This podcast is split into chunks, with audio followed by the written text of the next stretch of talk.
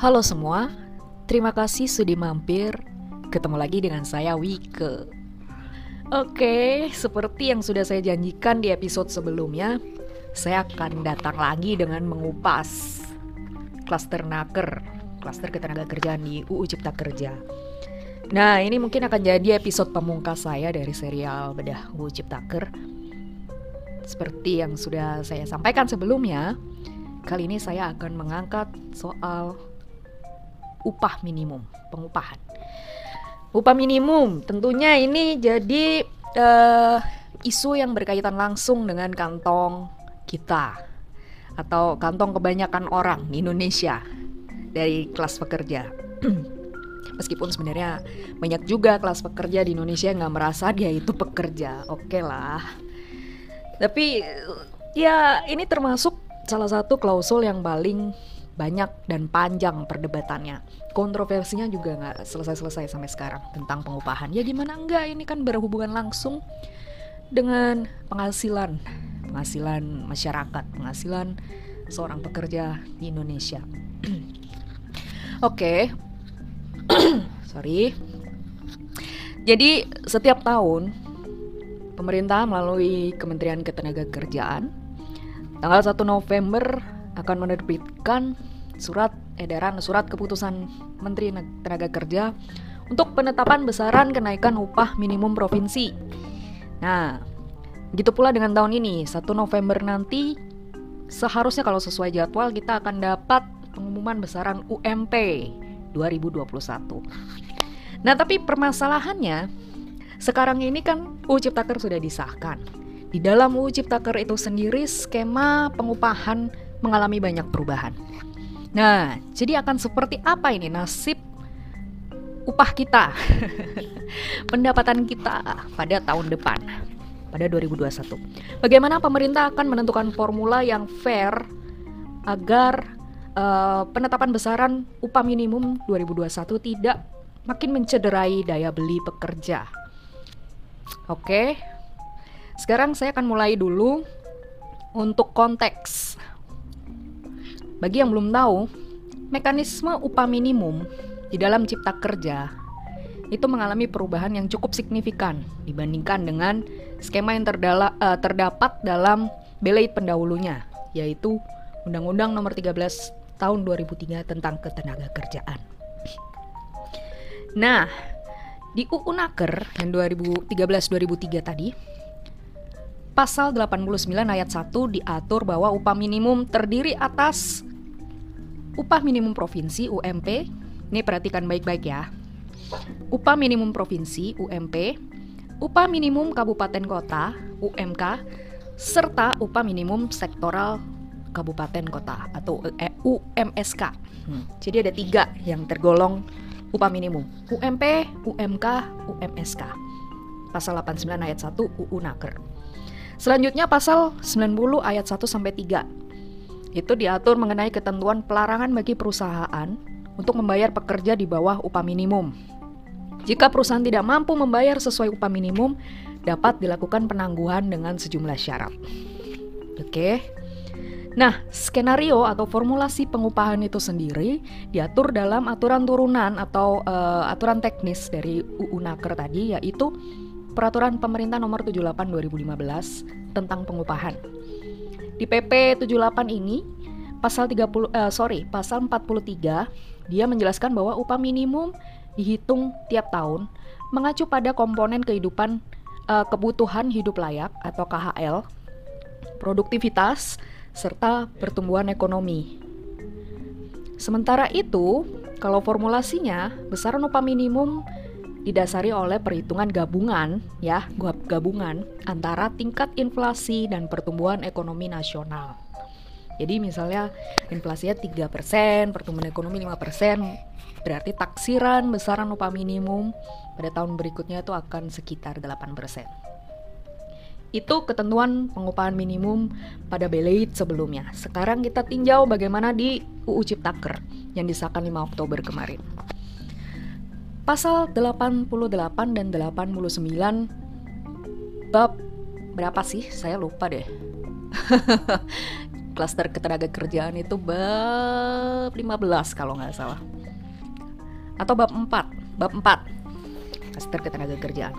Pasal 88 dan 89 UU ketenaga kerjaan itu menghapus nah sekali lagi saya bilang menghapus pasal 88 dan 89 di UU ketenaga kerjaan. Oke.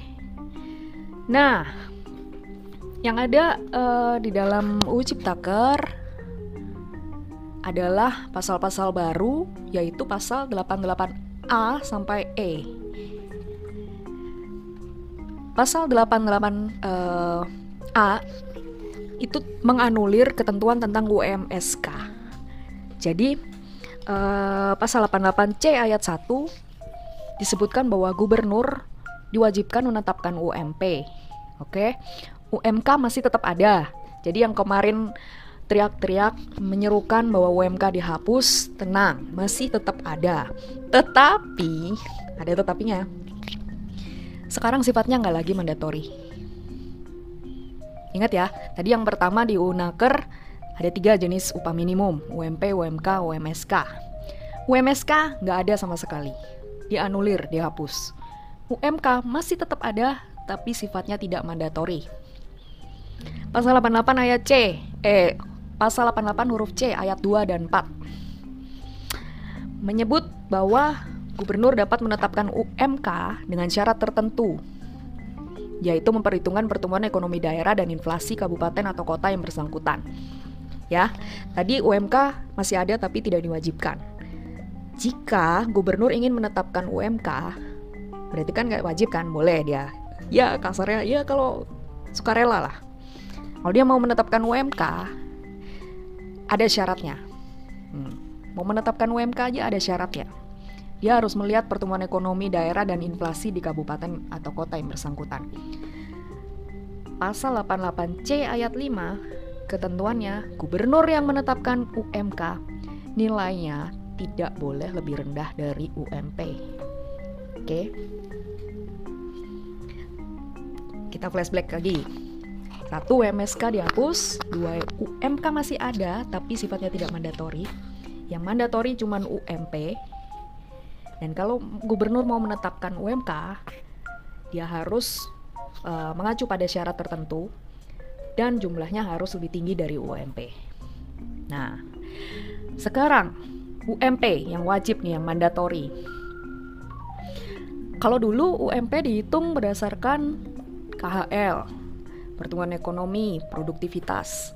Nah, formulanya dihitung berdasarkan pertumbuhan ekonomi dan inflasi. Jadi dua variabel itu masuk dalam formulasi penetapan upah minimum provinsi. Sekarang, di UU Ciptaker pasal 88D ayat 2, formulasi upah minimum dihitung berdasarkan variabel atau pertumbuhan ekonomi. Paham kan bedanya dan dan atau? Jadi bisa milih salah satu ibaratnya gitu. Entah menggunakan komponen inflasi aja atau pertumbuhan ekonomi aja. Nggak lagi mandatori dua-duanya untuk merumuskan besaran UMP pada tahun berikutnya. Oke, itu tadi flashback uh, background, background tentang uh, pasal-pasal yang menyangkut pengupahan atau upah minimum di dalam UU Ciptaker dan perubahannya dibandingkan dengan belate sebelumnya dibandingkan dengan UU uh, eh, Ketenagakerjaan dan PP Pengupahan. Nah, sekarang waktu sudah makin mendesak ini. Ini podcast dibuat 19 Oktober. Sementara itu, penetapan upah minimum diagendakan pengumumannya 1 November, berarti dalam hitungan pekan. Udah harus keluar. Publik bertanya-tanya, pekerja bertanya-tanya, masyarakat bertanya-tanya, ini nanti skema penghitungan upah minimum provinsi 2021 pakai apa ya? Mengacu ke yang lama atau gimana ini? Atau pakai omnibus? Bertanya-tanya. Praktis dalam hitungan pekan, pemerintah sudah nggak punya banyak waktu yang tersisa untuk menyesuaikan formulasi upah 2021. Tapi, nah, ada tapinya lagi ini berdasarkan informasi yang saya dapat dari Kementerian Ketenagakerjaan dan juga berdasarkan statement dari Menaker Ida Fauzia sendiri. agaknya pemerintah ingin langsung bergeser, beranjak menyesuaikan formulasi pengupahan tahun depan dengan uh, skema yang terdapat dalam UU Ciptaker. Alih-alih memberi waktu untuk transisi dari skema yang ada di peraturan sebelumnya ke skema baru. No transition, langsung eksekusi. Nah, Menaker UIDA alasannya katanya penghitungan upah minimum kalau mengacu pada belet sebelumnya itu nggak mungkin lagi dilakukan karena sekarang pandemi jadinya ekonomi tumbuhnya negatif. Oke, alasannya itu. Jadi kalau memaksakan menggunakan skema uh, seperti belet yang lama, nanti uh, akan banyak perusahaan yang tidak sanggup bayar upah minimum, begitu. Nah, uh, penjelasan dari Direktur Pengupahan Dinar Titus Jogaswitani. Nah, saya mengutip beliau. Uh, meskipun menggunakan langsung nggak nggak ada apa ya, langsung nggak ada masa transisi, langsung adaptasi ke skema baru pengupahan sesuai UU Ciptaker. Klaimnya pemerintah adalah mereka berjanji untuk tetap mengedepankan daya beli masyarakat sebagai faktor kunci dalam menetapkan upah minimum 2021. Nah, atas dasar itu, ini kata Dinar, formulasi UMP 2021 atau upah minimum 2021 akan lebih menitik beratkan pada variabel inflasi ketimbang uh, pertumbuhan ekonomi. Sebagaimana saya bilang tadi sebelumnya, formulasi UMP itu dalam UU Ciptaker tidak lagi mewajibkan uh, perhitungan dari variabel ganda, PDB, dan inflasi, tapi boleh hanya salah satunya. Nah, ini katanya karena untuk menjaga daya beli nanti yang dipilih adalah variabel inflasi. Itu. Ah. Terus tapi sayangnya uh, Kemenaker belum mau berkomentar banyak uh, perihal penghapusan UMSK dan tidak diwajibkannya lagi UMK dalam UU Ciptaker. Kalau dilihat dalam berbagai kesempatan yang di highlight itu hanya UMK masih tetap ada, UMK masih tetap ada. Oke, memang masih tetap ada, tapi perihal kenapa itu tidak mandatori dan kenapa kalau menetapkan harus bersyarat dan harus mengacu pada UMP, nah itu um, tidak banyak dielaborasi oleh pemerintah. Uh, Tunggu, saya pause dulu. Nah, di kalangan pekerja, penghapusan UMSK dan tidak lagi diwajibkannya UMK, penetapan UMK, itu menjadi masalah yang besar. Karena selama ini UMK dan UMSK itu adalah bantalan bagi pekerja untuk memperoleh upah yang lebih layak. Antaran UMSK dan UMK itu biasanya nilainya cenderung lebih tinggi ketimbang besaran UMP. Nah ini saya mengutip Pak Timbul lagi nih dari opsi Organisasi Pekerja Seluruh Indonesia. Uh, dia menyarankan, mengimbau agar pemerintah itu mah apa ya kalau bahasa Jawanya gini, bu ya jangan gegabah mengebut penyesuaian dan sinkronisasi aturan pengupahan. Jangan gerusa-gerusu lagi deh. Kasihlah masa transisi. Jangan langsung diterapin skema upah minimum 2021 sesuai dengan uh, Ciptaker kasih masa transisi. Jangan terburu-buru. Karena sekarang nggak bisa dipungkiri kalangan pekerja itu masih sakit hatinya istilahnya belum sembuh karena pengesahan UU Ciptaker yang terburu-buru itu nah ini kalau kamu nggak mau ngasih transisi pemerintah nanti itu akan memantik konflik yang lebih besar itu kalau kata Timbul. Saya mengutip Said Iqbal dari KSP juga serupa. Dia menyarankan agar jangan diotak-atik dulu, kasih masa transisi dulu untuk penyesuaian upah minimum karena nanti situasi bisa makin panas, konflik yang lebih besar bisa tersulut.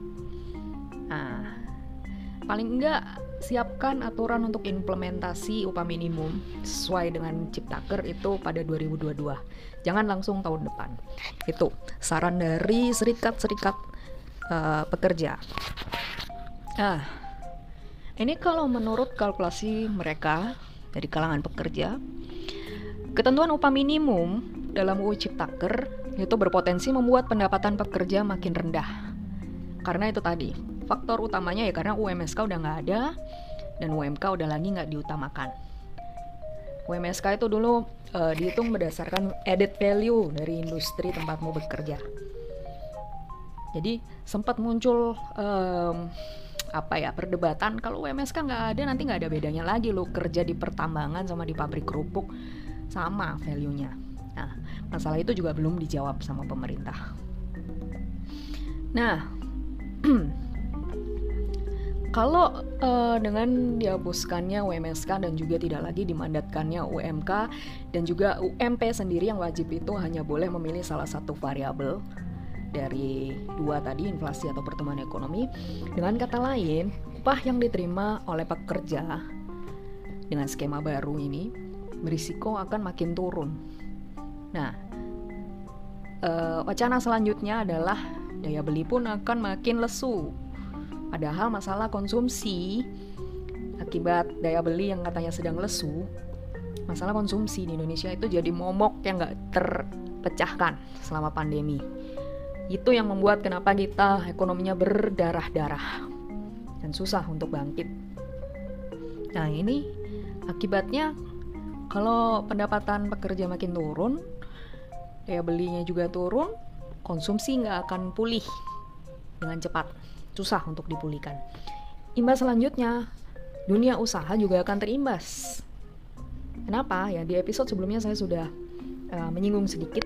Ketika ekonomi nggak stabil karena daya beli dan konsumsinya lemah, maka barang dan jasa atau dari sisi supply, nih kalau dari sisi demand yang berdarah-darah, maka dari supply, produksi barang dan jasa yang ditawarkan pelaku industri itu bakal sulit terserap masyarakat akibat upahnya mengalami penyesuaian. Ya akhirnya cedera lah dari sisi demand maupun supply. Kapan mau pulih? Itu. Nah risiko lainnya, skema upah minimum dalam UU Ciptaker, ini kalau saya mengutip timbul, itu berisiko mendorong perusahaan untuk melakukan efisiensi melalui pemutusan hubungan kerja alias PHK terhadap pekerja yang besaran upahnya masih mengacu pada peraturan sebelumnya.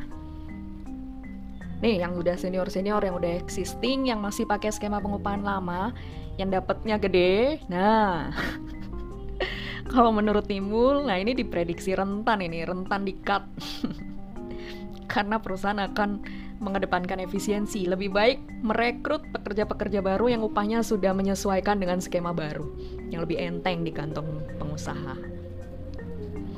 Oke okay, uh, eh, tapi bagaimanapun pendapat pekerja itu meskipun ya pedas sih.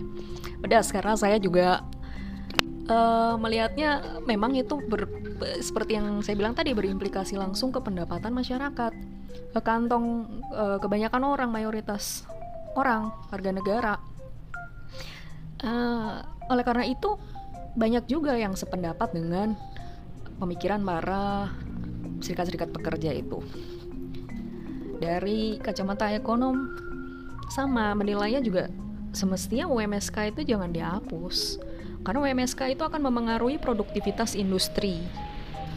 Dan jelas daya beli pekerja akan uh, terlukai terciderai. Kalau UMSK nggak ada lagi. Dan ya itu sama pemulihan industri akan terhambat. Karena turunnya upah produktivitasnya juga akan turun.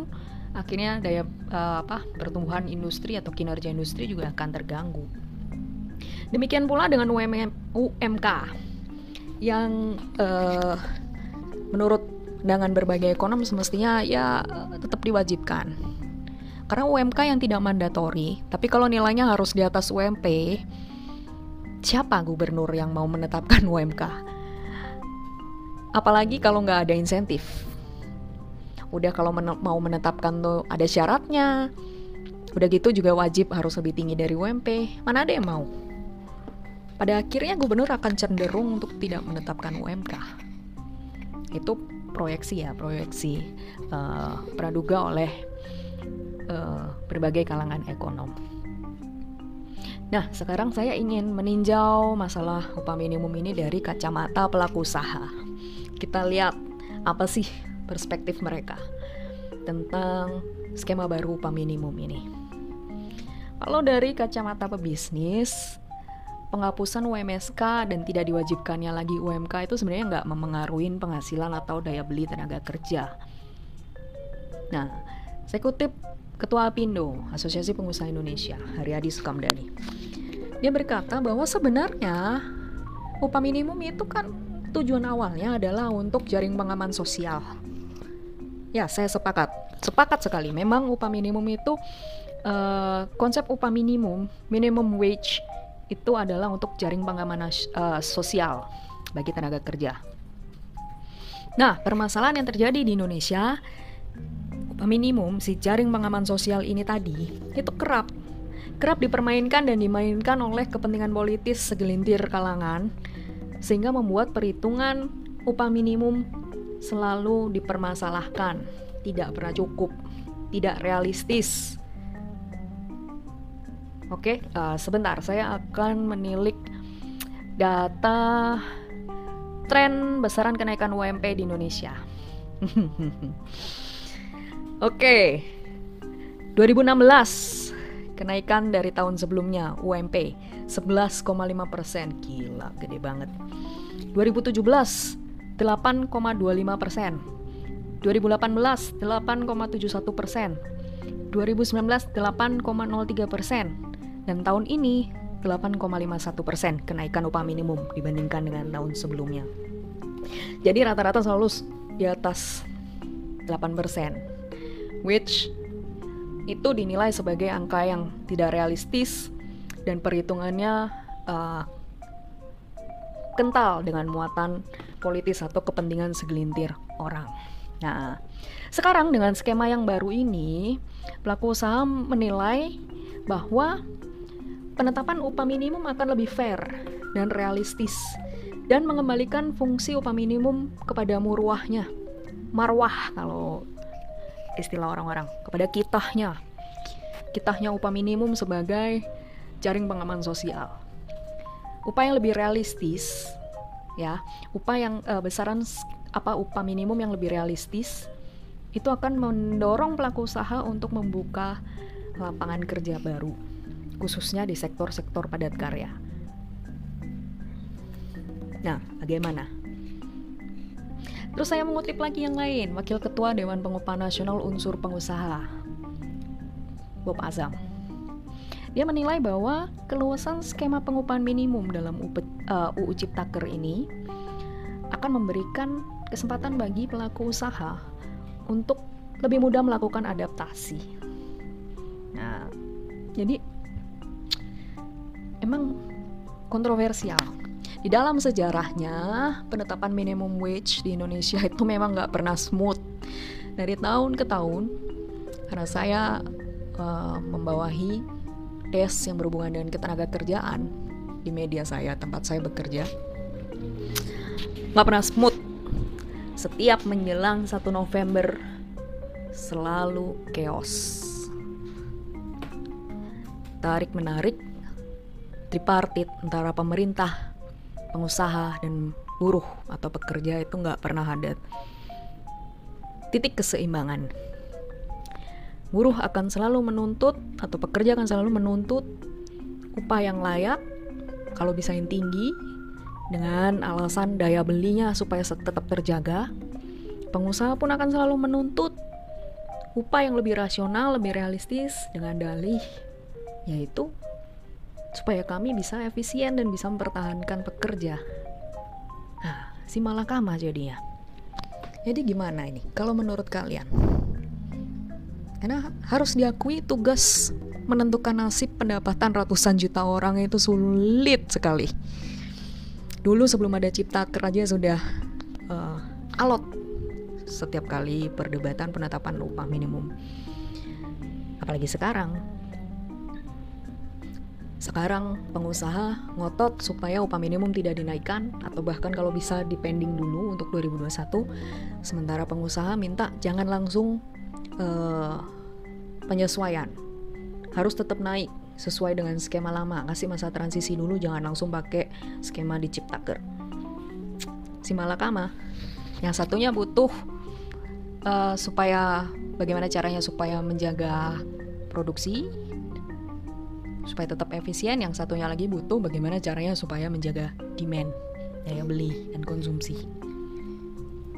Jadi memang waktu yang begitu mepet ini dan impitan kepentingan yang begitu sesak di tengah skema atau aturan pengupahan yang baru menjadikan masalah formulasi upah minimum ini sangat pelik bahkan lebih pelik daripada tahun-tahun sebelumnya dan akan sangat sulit untuk mencapai titik keadilan.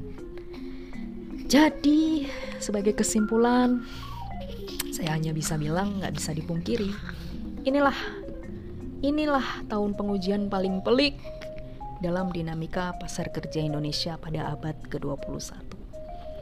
Oke, sekian dulu dari saya. Sampai ketemu lagi di lain kesempatan. Dadah.